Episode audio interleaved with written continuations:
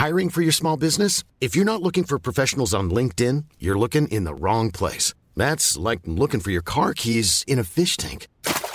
LinkedIn helps you hire professionals you can't find anywhere else, even those who aren't actively searching for a new job but might be open to the perfect role. In a given month, over 70% of LinkedIn users don't even visit other leading job sites. So start looking in the right place. With LinkedIn, you can hire professionals like a professional. Post your free job on linkedin.com slash people today. In the market for investment-worthy bags, watches, and fine jewelry, Rebag is the answer. Rebag is a luxury resale platform where each piece is carefully inspected by experts to ensure quality and authenticity. Use Rebag to buy and sell finds from the world's top brands, including Louis Vuitton, Chanel, and Cartier. Head to Rebag.com and get up to 15% off your first purchase as a member with code REBAGNEW. Shop today at Rebag.com. That's R E B A G.com. And use promo code REBAGNEW for up to 15% off your first purchase as a member. Burrow's furniture is built for the way you live. From ensuring easy assembly and disassembly to honoring highly requested new colors for their award-winning seating, they always have their customers in mind. Their modular seating is made out of durable materials to last and grow with you. And with Burrow, you always get fast, free shipping. Get up to 60% off during Burrow's Memorial Day sale at burrow.com slash ACAST. That's burrow.com slash ACAST. burrow.com slash ACAST.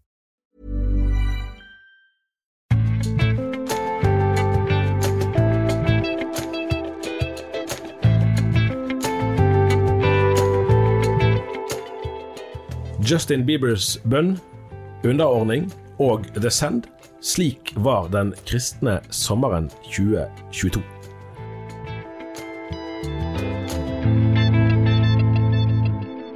Hjertelig velkommen til denne ukens episode av Tore og Tarjei. Tore Hjelmer Sævik og meg sjøl, Tarjei Gilje. Vi er på plass på kontoret. Første gang vi er sammen her i høst. Det er veldig kjekt. Og vi har med oss to flotte gjester, og det er Marte Skutlaberg og det er Gerd Vårin Emmerhoff Sæther, som begge har vært sommervikarer her i avisen. Ja, og da skal vi kanskje ikke dvele for mye med at det er i år er 20-årsjubileum, så det er første gang som vikar her. nei, nei, det går vi veldig fort. Trenger ikke å nevne det, kanskje. Nei, nei trenger ikke, å nevne det. Det var fint å få sagt det sånn, ja.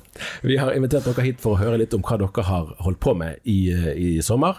Og jeg lurer på om vi skal begynne, jeg, eh, kronologisk, altså det tidligste, og det var jo The Send, som jo i og for seg skjedde før selve sommerferien, 25. juni, det var kanskje skoleferien akkurat begynt. Der var dere jo begge to. Du, Gerd Våren, mm. var den som sammen med meg og en annen eh, dekket det eh, for dagen. Eh, hva sitter dere begge to, vi kan begynne hos deg, Edvard, igjen med som liksom, gjorde sterkest inntrykk den dagen? Jeg vet ikke, jeg tror for meg så var det bare det å, å se så mange kristne på én plass. Det har jeg aldri opplevd i Norge. 9380 billetter tror jeg ja. de hadde solgt. Og òg liksom at det var så mange som møtte opp og kom. Og liksom bare det når vi skulle liksom komme oss til Telenor Arena, så kom vi oss ikke på bussen, så vi måtte ta taxi ut, fordi det var ikke plass på noen busser, og alle busstoppene på hele veien ut var stappfulle av folk. Ja, ja, ja. Så det var sånn, hele Oslo følte jeg merka at det var veldig mange som skulle der. Fikk du noe inntrykk av fra, fra, folk du snakket med den dagen, om hvor mye dette Altså, hva betydde dette for folk, liksom? Jeg tror var en del liksom som min lillebror, for eksempel, som er 17 år. Jeg tror han syntes det var veldig kult å se at det var så mange andre kristne på mm. hans alder. Det tror jeg var mange som satt igjen med. at liksom, det å se så mange kristne òg, at det var liksom folk fra veldig mange forskjellige kirker og sammenheng på én mm, plass. Mm, mm. Var det noe av For én ting er jo selve at, at, det at man møttes. Eh, det, det, tror jeg mange kan kjenne seg igjen i, at det var, var noe som blir husket lenge. Eh, når det gjelder det som ble sagt, det som ble sunget, det som skjedde, var det noe spesielt der som, som stakk seg ut? Mm, ja, vi tenker litt tilbake. Det var jo veldig mange forskjellige folk som fikk liksom snakke da, i løpet av dagen. Det var jo mm. ti timer langt, det var jo kjempelenge. Uh, men uh, jeg vet ikke, det var veldig sånn mange forskjellige mennesker. Det var litt kult at det var liksom folk fra mange ulike land. Det syns jeg var litt interessant å legge merke til. Nettopp. Er det noe du Marte, husker sånn, uh, som er relevant? Altså, det er jo mange ting man kan huske sånn personlig og alt som gjorde inntrykk, men som du tenker at det blir stående fra den dagen? Oi, spennende spørsmål. Um, jeg tror jeg må egentlig si meg litt uh, enig med Gerd Våren her, at uh, så mange mennesker samles på tvers av uh, på en måte ulike menigheter og kirker, og på tvers av hele Norges land, og også, det kommer jo også andre fra utlandet, fra andre, mm. andre land, hvor en virkelig bare setter fokus på Jesus, da. Ja, send oss ut. Mm. Så utrolig sterkt å stå der og høre, og bare delta Mm. på et sånt type arrangement som ikke nødvendigvis skjer i Norge, kanskje, en gang til. Mm, Og så så du òg mange Det satt jo liksom på et stand så satt jo mange nonner i liksom Ja. nonnedrakt. Ja, ja, ja. Og så var det òg liksom masse skikkelig gira folk fra Brasil som bare hoppet opp og ned framme. Så det var veldig mange forskjellige liksom Du så bare at det var masse forskjellige folk der. Merker du også litt sånn på, på forskjellige kristne kulturer som møtes, hva det, hva det gjør med de som er der? Altså, det, jeg, jeg tenker litt med referanse til eh, en gang jeg var på et sånn her eh, stort eh, lederseminar eller en konferanse i Stavanger, der Egil Svartdal var og talte, og så eh, var det også en, en gjest eller to fra, fra USA, og så eh, hadde Svartdal eh, sagt noe han syntes var et oppbyggelig poeng, og sa en amen, og så eh, hørte en noen spredte stemmer rundt i salen som responderte og sa takk til dere tre fra pinsebevegelsen. men, men merker du på en måte noe av det? At det altså sånn som nonnene merker seg jo ut med hvordan de er kledd, naturligvis, men ellers at, at dette her er liksom forskjellige kristne kulturer som møtes. Vet ikke, jeg tror Hvis du gikk gjennom salen, for jeg gikk jo rundt og tok bilde, så så du på en måte at det var, det var mange som satt helt framme, som var veldig på. Og så var det en del som satt bak, litt lenger inn i salen. Det var jo svær sal, så det er jo bak er jo litt relativt. Men sånn, så kanskje ikke var så Så bare satt rolig. Men det var liksom ganske ulikt, da, kanskje. Og så òg folk som satt oppe på tribunene rundt, da. Så ja, du kunne på en måte se det. Men samtidig, så når du, alle sto under lovsangen, så var det liksom alle Det er jo Ja. Det ser jo ikke så ulikt ut, på en måte, hvis du skjønner. Vi snakket litt om det rett før opptak, at der, det har jo skjedd eh, en ganske stor utvikling i den, hvis man kan si den kristne kulturen. da. At dette arrangementet hadde jo ganske sikkert ikke vært mulig for en generasjon siden, fordi at da hadde ikke de forskjellige, apropos pinsevenner og Misjonssambandet og katolikker, hadde ikke kanskje engang ønsket å, å være sammen om det, mens nå synger de de samme sangene. Eh, hvordan, hvordan altså inntrykk får dere av i hvilken grad man reflekterer rundt at her blir på en måte den kristne enheten veldig tydelig løftet frem, eh, og på en kan du si, bekostning av at den enkelte sammenheng får betont sin. Ja, men vi er ja. indremisjonsfolk, vi er nordmisjonere, vi er pinsevenner osv. Jeg tror det avhenger litt av eh, hva kanskje miljøet du er i, og hvilke vennegjenger du er i. Men eh, meg for min del i hvert fall, og mine venner, snakker eh, ofte og ofte, men eh, det har i hvert fall kommet opp flere ganger, dette med ja, splittelser og enhet, og ja, hvor fokuset egentlig er, da. Skal vi fokusere på ting akkurat her og nå, eller teologiske debatter som kanskje til tider kan oppfattes som litt snevre, med på en måte det store fokuset om at det er jo egentlig Gud det handler om, det er frelse det handler om, det er evig liv, det er fortapelse, det er på en måte ja, større saker, da. Eh, så for mange kanskje virker ikke på en måte disse teologiske synspunktene så veldig eh, viktige, da, i samme grad som de kanskje opplevdes før. At det heller eh, ja, er litt mer overordna linjene.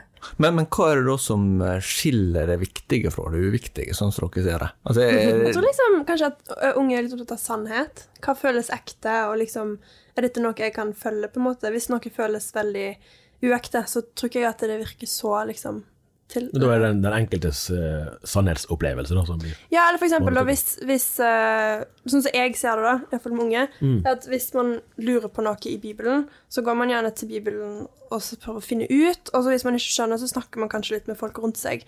Men jeg tror ikke nødvendigvis at det er sånn at hvis jeg går i den, den kirka, så bare følger jeg den kirkens teologi. Det, Den har jeg tatt inn over meg som min egen. At man kanskje heller er litt mer sånn opptatt av å finne ut hva hva, hva tenker jeg, istedenfor bare hva sier de fra talerstolen, på en måte. Det er iallfall mitt inntrykk. Ja, ja. Så, ja. I forkant av arrangementet så var det jo en del debatt om det her altså uttrykket 'all in'. Sant? Om det kunne føre til en usunn eh, Altså at man blir en lydighet osv. Og, eh, og det var òg noen henvisninger til at arrangementet for det har funnet sted i både i Brasil og i USA. Og da har det vært koblinger til både Bolsonaro, presidenten i Brasil, og til Trump, mm. presidenten i, eller tidligere presidenten i USA. Eh, fikk dere inntrykk av at deltakerne hadde, hadde forholdt de seg til eller var den debatten, var det noe som de syntes angikk de, eller var det mer noe de følte at det var liksom på siden av, av det hele? Jeg fikk ikke nødvendigvis inntrykk av at uh, deltakere var superopptatt av det, nei. Og i året i forkant av Descend, så veldig ofte at når jeg intervjuer folk, for jeg har vært litt vikar, så bruker folk begrepet all in som noe Ja, positivt. ja. Bare sånn Ja, og det gjør man i måten i mange andre sammenhenger sant? At det er ikke sånn at eh, de tenkte at det bare var negativt. Akkurat. Mm. Ok, neste, neste emne. eh, det er jo faktisk underordning. Og her er det jo Vi kan jo ikke liksom helt unnlate at her er det Vi, Torjal og meg, eh, har eh, ja, vi, vi er vel, for å si det sånn, Den debatten trodde vi vel var parkert og død og begravet for kanskje sånn nesten ti år siden. Det var nesten ingen som orket å snakke om det lenger. Og så kom det opp igjen nå i vår. Og det har jo ikke minst du Edvard, hatt et par saker om det. Hva var dette for noe, egentlig? Hva skjedde her? Jeg, jeg tror mange, mange reagerte enten på at Oi, det her må jeg se hva Bibelen sier, og hvis det står at jeg skal underordne meg, så må jeg gjøre det. Eller så reagerer folk og tenker Oi, det her er liksom, nå skal vi tråkke ned kvinnene igjen, på en måte. Ja. Eh, så folk hadde jo veldig sterke meninger på begge sidene. Og liksom Ja. Kanskje Ja, egentlig på begge sidene var det mange som mente det ene eller andre, da. Ja. For det er vel kna altså Selv i, sant, i, i sant, Bedehusland, Misjonssambandet og Indremisjonsforbundet er jo av de sammenhengene som, som i og for seg offisielt har ganske klare eh, synspunkter på dette. Men heller ikke der er vel dette noe som jeg har inntrykk av, da, noe som egentlig snakkes veldig mye om. Eh, sånn at der òg tror jeg mange både kvinner og menn vil oppleve debatten som ganske fremmed. Ja. Eller konstruert òg, var noen som sa. At mm. det var en kvinnelig altså, eh, pastor i en kirke som opplevde at det var en veldig konstruert debatt. At det var ikke egentlig relevant engang. Og det var derfor hun reagerte så sterkt. Mm, Hva, hva tror du som gjorde det? Hva var det som var konstruert? Hun følte ikke det var relevant i dagligtalen eller i hennes liksom, familieliv, eller liksom i, mellom hun og ektemannen sin. At det var ikke noe de hadde noen gang snakket om. Og at som pastor så hadde hun liksom Det var ikke Det opplevdes bare ikke som noe som passa inn i dag i det hele tatt, egentlig. Eh, Du, Gavorden, har jo vokst opp eh, i et eh, annet land. Bodd i Kasakhstan fram til du var godt opp i tenåra, stemmer ikke det? Jo. Er, når sånne debatter kommer i Norge, det, er jo en, naturligvis en kultur som er helt annerledes også, med tanke på En kan snakke om at kristne, aktive kristne i Norge kan oppleve seg som en minoritet, men da har en antagelig ikke vært i Kasakhstan. Ja. Men men hvordan ser du sånne debatter i lys av de erfaringene du har gjort der borte? Ja. Jeg tror ikke jeg, når jeg bodde der, så tenkte jeg ikke så masse på liksom underordning. Der var det jo veldig sånn at som kvinne så hadde du f.eks. ikke lov til å ta en mann i hånda. Eh, og det var veldig vanlig. Og jeg husker som tenåring syntes jeg det var litt rart. Men så aksepterte jeg at ok, i Kasakhstan, akkurat her så er det sånn, og da bare lever jeg sånn fordi jeg bor her og jeg er på en måte gjest. Eh, mens når jeg kommer til Norge, så eh, opplever jeg gjerne- at det er veldig mye mer likestilt. At jeg Iallfall sånn Ja. Jeg vet ikke om det var et godt svar. Marte, du, har jo et, eh, du har jo reist i, i, Du studerer på Oslo OsloMet til vanlig, mm. og har eh, det er nesten en globalt studieprogram. sant? Du hadde vært i Costa Rica i forrige semester og skal nå til Uganda om et par uker. Eh, noe av det som, som man kanskje kunne tro, er jo at det er de gamle som er de mest konservative. I, og f.eks. i sånne her spørsmål. Sant? Men noe av det som har utløst denne debatten, og det, grunnen til det internasjonale, er jo for, for å se eh, et større perspektiv, det er derfor jeg viser til det, eh, at her er det jo et par helt unge prester, mannlige sådan, da, som har på en måte reist denne underordningsdebatten i forbindelse med sin tjeneste i Den norske kirke. Prester som nå nærmer seg pensjonsalder, har kjempet denne kampen i hele sin tjeneste, og har på en måte måttet innse nederlag etter nederlag etter nederlag. Eh, og man kunne tro at nå er det der helt passé, og så lenge når de bare blir pensjonert, så kan liksom de som ikke ønsker eh, å snakke om underordning, eh, da har de vunnet. Men så kommer det plutselig prester som er nyutdannet, mm. og inntar holdninger som kanskje er enda mer konservative enn det disse som nå er i 60-årene gjør. Og det er der jeg lurer på om du har inntrykk av det at, um, at det er gjengs, da, at yngre kristne slett ikke uten videre blir mer liberale, så å si, men at de kanskje til og med blir mer konservative enn sine forgjengere. Da. Absolutt, det kan jeg tro. Og jeg føler igjen det har litt å si med hva miljøer du er i, hva påvirker deg, hva, eh, hva informasjon er det du innhenter, hva kildekritikk er det du utfører, på en måte. Eh, ja, hva påvirker deg, og at det har noe å si for eh, hva du mener om de ulike tingene. Ja. ja, for hvordan, hvordan eh, opp, had- hadde ditt inntrykk at denne debatten her blir mottatt da, blant eh, altså alminnelige kristne mennesker i bedehusland eller i norsk kristenhet, altså der du ellers mm. ferdes og i det du leser og ser? Eh, er dette noe som folk føler angår livene deres, eller er dette mer en sånn teoretisk størrelse som, eh, som man helst ikke vil snakke om? Jeg er faktisk litt usikker på eh, akkurat hva folk tenker om det. Om underordning er det er jo på en måte noe man ofte har hørt, kanskje sånn akkurat når man har vært på møte eller sånn, så er det sånn OK, kvinnen skal underordne seg mannen, men mannen skal igjen underordne seg Gud, og mange ser kanskje litt mer på det som litt utdatert. Eh, for nå, de siste hundre årene, så har jo på en måte kvinnen har jo kommet Har jo vært tradisjonelt sett veldig underordnet mannen, men så har de på en måte blitt litt mer likestilt, og nå kan det jo diskuteres i hvilken retning det går i framover. Eh, men eh, ja, nei. Jeg er litt usikker på hva folk tenker. Hva tenker du, Gjelvor? Nei, jeg tenkte du står jo underordnet hverandre. Jeg tror noen velger liksom, vil se hele konteksten da, at det, det underordnet av hverandre er også en del av den bibelteksten. Ja. Så jeg har hørt at en del som på en måte bare sier vi gidder ikke å se oi, på Efeserne 5 i det hele tatt. Andre er litt sånn vi underordner oss hverandre, og at det er der de vil stå, fordi de har lyst til å liksom leve bibeltro, eller ja. Eh, mens andre føler at det er veldig De skjønner ikke hva underordning betyr, fordi det er ikke et ord vi bruker i språket, mm. nesten, og at det blir veldig sånn fjernt, på en måte. Ja. Så Og der er det for så vidt òg, apropos nå, vi må gjerne snakke opp den internasjonale bakgrunnen her. fordi at noe, et, et av de punktene i, når debatten gikk sånn på det heteste før sommerferien, var når Abid Raja sant, med sin muslimske bakgrunn gikk høyt på banen ut mot Espen Ottosen i Misjonssambandet. Og du kunne fint tenke at her, her eh, setter han egentlig nærmest likhetstrekk mellom den bibelske, altså det som der blir oppfattet å være et bibelsk motiv om underordning, og underkastelse. Eh, sant? Og at, der, at egentlig øh, kritikken blir at, at de, de kristne her eh, forsvarer kvinners undertrykkelse. Ja. Og litt av problemet når kristne diskuterer det, er at man har litt, legger litt ulike ting i underordning, og at man har kanskje ikke helt samme liksom, definisjon. Eller man har ikke samme forståelse for det, og da blir jo debatten litt sånn vanskelig hvis man ikke helt har forstått det på samme måte. Eller liksom, ja.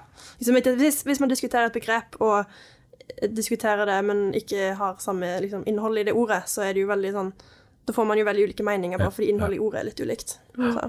Da trenger vi en begrepsavklaring. Ja, egentlig. Ofte Men- når jeg snakket med folk, så prøvde jeg å gjøre det, men da visste jeg ikke helt hva de skulle si, så da hjalp det ikke egentlig. Så det, var litt sånn, det er veldig vanskelig å snakke om, egentlig. Ja. Ja. Men eh, hvis vi skal prøve å se disse to temaene som vi har begynt med i dag, litt i sammenheng, hva, hva tenker dere er spørsmål som mange i deres generasjon kristne er opptatt av å tenke her, dette er det viktig at de er, er tydelige på, eller her er det, her er det noe som liksom eh, ja, er avgjørende at de, at de står for.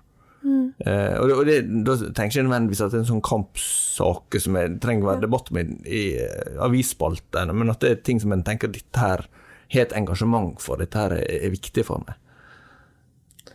Ja, jeg, jeg tror for mange kristne er liksom det med venner og fellesskap, det er veldig viktig for f.eks. hva kirke man velger. At det, det, liksom, det er veldig viktig, da. At man kanskje velger litt ut ifra det.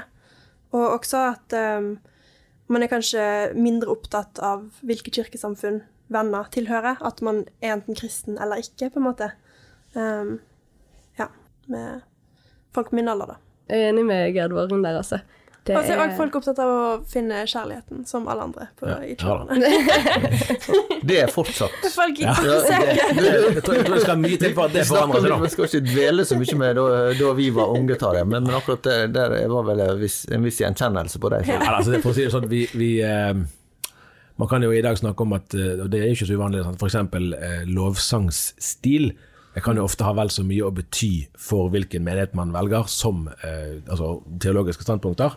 Eh, mens måte, potensialet for å finne ektefelle, det vil vel overstyre det aller meste. Ja. Kanskje. Av sånne, sånne vurderinger. Du, eh, en av de eh, overraskende hendelsene som eh, skjedde i sommer, og som nok kommer til å få en del å si for måte, kristelige høydepunkter i 2022, det var jo da når, eh, når artisten Justin Bieber opptrådte i Trondheim på søndag. 40 000 mennesker var det visst. Det var jo noe flere òg enn det var på Descent, må vi eh, erkjenne. Men så var jo òg innholdet et ganske annet. Men han, han Det var jo flere elementer av både bønn og nærmest kristelig forkynnelse i, i konserten. Eh, Dag, Dagbladet fikk nok på et tidspunkt. ja, mer enn nok. Det var en bisarr eh, seanse, syns de. Ja. Eh, Adresseavisen har gjengitt, eh, gjengitt, jeg må nesten lese det, gjengitt noe av en av bønnene han ba. Eh, Gud, jeg ber nå for hver redsel, hver usikkerhet, hver dårlig tanke vi har om oss selv eller andre. Vi slipper det nå i Jesu navn. Jeg ber imot hver plagende tanke, hver usikre tanke. Vi bare gir dem til deg i Jesu navn. Du er fredens prins. Altså Dette kunne vært sagt på Descend, ord for ord. Eh, hva slags inntrykk tror dere det gjør eh, at Justin Bieber kommer med noe sånt eh, fra scenen i Trondheim? Jeg vet ikke, jeg. Jeg føler jeg eh, kan se for meg, da, hvis jeg hadde vært der, så er det kanskje den eneste plassen jeg hadde fått med meg andre, f.eks. alle vennene mine på én plass.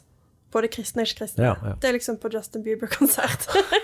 Du, for du har jo sånn som U2, sant? som har vært et kjent rockeband i mange år. De, de uh, har jo flere sanger som helt tydelig har kristne referanser, men dette er jo menn som er til og med en god del eldre enn Tor Hjelmer og meg. Eh. Men her er det jo en av de virkelig virkelig stjerneskuddene. Sånn som er, eh, altså 40 000 på konsert i Norge, det skjer vel ikke hvert år engang. At det er så mange. Eh, og, så, og så skjer dette. Liksom. Da, da, da blir jo eh, samfunnets forhold til religion i offentligheten eh, testet, uansett om man liker det eller ikke. da. Ja, og, det sånn. og Særlig tankevekkende er jo at dette skjer i Trøndelag, der en tidligere biskop eh, uttrykte at eh, her er kristentro lettere gjort enn sagt. ja, det sant det. For, for, for det er jo et, er jo et eh, område med veldig sånn lavmælt folkekirkekristendom. Mm. Men jeg tror ikke kanskje Justin Bieber var klar over akkurat det. Nei, han har ikke, ikke lest opp av trøndersk kultur. Nei. Nei. Eller det kan være etter feil, men jeg mistenker at det ikke var med i hans, Ja. i hans vurdering. Men det må ha vært en, det var, det, jeg så det var noen i, i Salem, altså Nordmisjonen sin menighet i Trondheim, som hadde delt på et sosialt medium. Sånn at wow, dette, dette skjedde faktisk. Det var også Jeg tror jeg blir litt sånn stolt av å være kristen Ja, når man ja, en sånn artist som så mange liker, liksom. ja, liksom. ja. Tydelig er veldig kristen. For jeg, for jeg lurte litt på det, og, og det, der er for så vidt referanse til Send òg. Jeg, jeg har jo et par sånne minner fra min egen når jeg var tenåring. og Jeg husker bl.a. et- konsert i Oslo Spektrum med et band som het DC Talk, som var veldig populære på den tiden. Og det er jo sånn den der opplevelsen av fellesskap. Sånn Vi er mange her, og vi, vi har noe felles. eh, Den sitter på en måte i kroppen kanskje i ganske mange år eh, etterpå. og Nå skal ikke vi akkurat sammenligne verken Descend eller DC Talk med Justin Bieber, men, men det at man fikk det, det elementet, da, at det, ja, det er en opplevelse som kanskje setter en del spor. Da. Så får vi se hva slags debatt det mer hører til. Vi har et par punkter igjen på agendaen, og det neste det er jo da at eh, NRK i høst skal sende seks gudstjenester på TV. Eh, Og Det er jo i seg selv ikke eh, oppsiktsvekkende, det har de gjort mange ganger før, senest nå i påsken, men det har gjerne vært eh, i forbindelse med høytider. Og så har jo radiogudstjenesten vært en institusjon i, i eh, ja, det er vel, jeg tror det er omtrent det er 100 år siden den første radiogudstjenesten ble kjent, ble kjent. Tidligere så har det vært den praktiske siden at det å, å produsere TV er veldig kostbart. Du må ha mange folk på jobb med kamera og teknisk utstyr og alt mulig, og nå er det lettere å automatisere, sånn at ikke, det er ikke like kostbart å produsere, og dermed er det lettere for NRK eh, å gjøre det. Eh, og så vekker det noen reaksjoner. Eh? Og det var debatt på Dagsnytt 18 eh, denne uken om hvorvidt dette er eh, noe NRK bør, bør holde på med. Var det disse Human-Etisk Forbund som var kritiske til det? Ja. Å ja. Så jeg lurte på om det kunne Det var være litt ironisk nå, var det det? ja, det er jo sånn. De fleste debatter er jo egentlig litt forutsigbare. Ja. Ja, men sånn er det jo i livet. Og, og noe av det som er spennende, det er jo, er jo å prøve å identifisere en bevegelse. Eh, har dere noe inntrykk av fra studiehverdagen og lignende, er dette noe som Altså det, det at NRK bruker sendeflater på å sende ikke bare debatter om religion eller samtaler, eller intervju, men faktisk å sende en gudstjeneste, gjør det noe inntrykk? Liksom, er det, Syns folk det er fremmed, eller er det helt på sin plass? Eller? Jeg syns ikke det føles så fremmed, for jeg er vant til å høre Eller når jeg har vært på besøk hos besteforeldrene mine, så så er jeg vant til å høre gudstjeneste radio hver Ja. søndag. Um, så nå er det jo på en måte forskjellen at du kan se det, da. Men uh, Så for meg så virker ikke det, virker ikke det så rart, på en måte, å skulle sende en gudstjeneste. Og litt av på en måte, om man kan kalle det kulturarv, eller arven til Norge, er jo på en måte at vi er et kristent land. Så det å på en måte kanskje Det har kanskje forsvunnet litt i det siste, føler jeg i hvert fall. Eh, å ta det litt igjen opp igjen da, i media. At eh, her er det noe på en måte Noe vi er bygget på, noe vi kommer fra. Eh, og at det fortsatt kanskje kan stå, stå sterkt der, eller stå opp, i hvert fall. Vi hadde jo kanskje litt at Eller eh, på mitt studiested, jeg studerer jo til å bli lærer. Ja, på Så er det på høyskolen. Ja. høyskolen, så er jo det å snakke om religion og liksom ufarliggjøre det litt, det er jo en del av studiet at Ja. eh, når man skal undervise om det, så må man jo liksom ikke oppleve at det er fjernt da, som studenter. Jeg er jo kristen sjøl, så jeg har jo på en måte et forhold til religion. Men eh, for mine medstudenter da, så har jo det vært en, en del av studiet. Så vi snakker jo masse om religion og tro, og da kan jeg ofte fortelle om liksom Jeg har jo kommet fra en kristen bakgrunn, så liksom å fortelle mine synspunkter på ting, da. Virker, jeg føler ikke at folk syns det er veldig rart, egentlig. Men hva, hva spørsmål er det som går igjen når dere snakker om, uh, om det? Ofte så begynner det kanskje med et eller annet sånn Å ja, hvem var Abraham sine sønner igjen? Eller sånn, Folk har sånne veldig spesifikke ting de lurer Ja, på. Og så men til husker jo ikke jeg alt. Så må jeg sånn Jeg husker faktisk ikke. men uh, ja, og da er det jo litt sånn at man kan begynne å snakke om ting. Men det er ofte da det begynner, da. At folk spør et eller annet sånn avklaringsspørsmål om veldig spesifikke ting i Bibelen, f.eks. Ja. Ja, det burde flere gjøre. Ja. Det er veldig spennende å snakke om folk om, med folk om religion. da. Mm. Ikke at man skal liksom nødvendigvis forkynne til dem, men det Mm. å snakke om religion og hva det betyr for folk. og det å... Altså er det, jo et, for så vidt, det er jo egentlig et bipoeng, men, men likevel òg at, eh, at av de seks eh, menighetene som skal da få sende gudstjenester eh, i høst, så er en av de Filadelfia-kirken i Drammen, mens de fem andre er menigheter i Den norske kirke. Og Det sier òg noe ting om, om eh, ja, det religionsmangfoldet som er da i Norge. At, at I mange år var det jo Den norske kirke som var den opplagte leverandøren av slike gudstjenester, mens nå, nå skal Jarle Valdemar, tidligere kjent som barneevangelist, eh, nå pastor i Filadelfia-kirken Drammen, nå skal han da få oppfylt sin drøm, som han snakket om, om å være, være TV-pastor. Og det òg vil jo kunne fortelle. Eh, og det vil jo kanskje være for mange første gang de ser eh, en frikirkelig eh, gudstjeneste. Så der ligger jo en, et eh, antropologisk eh, aspekt Ja, i, i det. Hvis en ser eh, litt mer internasjonalt på det igjen, da, siden vi har gjort, eh, gjort en del av det i dag, så, så er jo pinsebevegelsen relativt stort. Eh, om ikke akkurat et trossamfunn, så iallfall en trosretning, Ja. man kunne si. En snakker kanskje om rundt 600 millioner. Ja, den er jo mye større enn den lutherske bevegelsen, men så er jo den òg altså, Du kan jo si det sånn at f.eks. norske pinsevenner vil jo nok betakke seg for å bli altfor sterkt identifisert med en hel del av de retningene innenfor den eh, greien. Men det vil jo på den annen side òg en del norske lutheranere gjøre. Sånn at eh, de indre spenningene finnes jo eh, alle steder. Veldig spennende. Det, eh, har dere fått noen altså, nå har dere fått, fått noen nye tanker om det å være journalist? Eh, det lurer jeg. Det er litt sånn eh, Dere kan få tenke litt mens jeg bare tør prate litt om det. da Fordi at eh, sant, Dere er begge studenter på høyskole, sant, og da man jo, hører man på folk som har forsket. Sant? Og Forskere har jo masse privilegier i det at de kan bruke lang tid på ting, og de kan utdype spisse problemstillinger og dykke ned i akkurat dette er det jeg skal, skal undersøke, mens journalister er mer, mer flyktige. Sant? At vi skal skrive en sak i dag, og skal helst ut på nettet i løpet av noen minutter, nesten, eller fall noen timer ofte. Eh, Men så har man en fordel òg, at man kan være underveis hele tiden. være med i den løpende samtalen. Du treffer flere folk, og du får inntrykk, og du får møtt en, en bredde av, av folk som i hvert fall som privatpersoner, de færreste av oss hadde vært i nærheten av å kunne møte like mange ellers. Så man kan være med folk som skal på sykkeltur, som du var, Marte, var i en slags følgebil. Fra Ålesund til Bergen, var det? Fra Ålesund til Bergen. Ja, som samlet inn penger til misjon. Eh, det kan jo være en, et, et feltarbeid i seg sjøl. Mm. er det noen der dere har, liksom, har, har fått noe som Dette håndverket liker jeg, jeg liker ikke, eller dette er spennende med å være journalist? For meg så er det å høre folk sin historie. Det har jeg alltid Mm. likt veldig godt. Og det er veldig liksom, spennende å få lov til å ha det, gjøre det som en sommerjobb. Og liksom sette seg ned med folk og høre om opplevelser eller historier. Spesielt når man liksom går ut, reiser ut og skriver reportasje og kanskje har litt mer tid. Det syns jeg er veldig spennende. Mm. Absolutt. Det å møte, eller menneskemøter, jeg vet ikke om det er et ord, men Jo, det, ja. det kan i hvert fall bli. Det kan bli et ord. uh, ja, og virkelig bare få mulighet. Det er jo litt sånn unorsk greie å bare bli kjent, og, bli kjent og snakke med nye mennesker som man ikke har møtt før, og som nødvendigvis ikke har en, nødvendigvis ikke har en kanskje, relasjon til, men man har hørt at denne personen har veldig mange interessante tanker om dette, eller de og dette, gå og snakk med de. Det, eller jeg syns det er utrolig gøy å snakke med mennesker og møte mennesker. Eh, så det å få lov til å gjøre det, Eh, og så ja, høre hva de tenker om ulike ting. Enten har de et sykt kult engasjement for en sak, eller så tenker de noe veldig originalt. Eller så Ja, det er veldig mange spennende mennesker der ute. Så det å få liksom privilegi- privilegiet av å få lov til å ja, møte de, høre på de eh, Bare liksom prøve å forstå da, hvordan de oppfatter verden. Det utfordrer også mitt eget tankesett. Eh, og gjør at jeg på en måte kan begynne å bli nesten kritisk til min egen måte å se verden på. Eh, så det er veldig spennende, da, egentlig. Det er litt skummelt med en være journalist. dette. Han begynner å bli sjølkritisk. Det har gått langt. Altså. Ja, men dette var veldig gode svar. Takk skal dere ha, begge to. Lykke til videre i høst.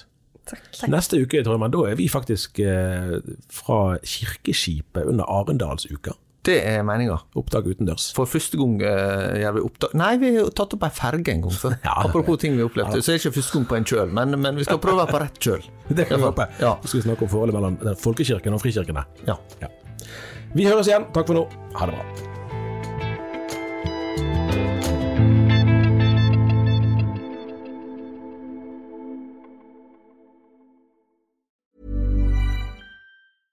Want flexibility? Take yoga. Want flexibility with your health insurance? Check out United Healthcare Insurance Plans. Underwritten by Golden Rule Insurance Company, they offer flexible, budget friendly medical, dental, and vision coverage that may be right for you. More at uh1.com. Hi, I'm Daniel, founder of Pretty Litter. Cats and cat owners deserve better than any old fashioned litter. That's why I teamed up with scientists and veterinarians to create Pretty Litter. Its innovative crystal formula has superior odor control and weighs up to 80% less than clay litter. Pretty Litter even monitors health by changing colors to help detect early signs of potential illness. It's the world's smartest kitty litter. Go to prettylitter.com and use code ACAST for 20% off your first order and a free cat toy. Terms and conditions apply. See site for details. Hey, it's Paige DeSorbo from Giggly Squad. High quality fashion without the price tag? Say hello to Quince. I'm snagging high end essentials like cozy cashmere sweaters, sleek leather jackets, fine jewelry, and so much more. With Quince being 50 to 80% less than similar brands. And they partner with factories that prioritize safe, ethical, and responsible manufacturing. I love that. Luxury quality within reach. Go to quince.com slash style to get free shipping and 365 day returns on your next order. Quince.com slash style.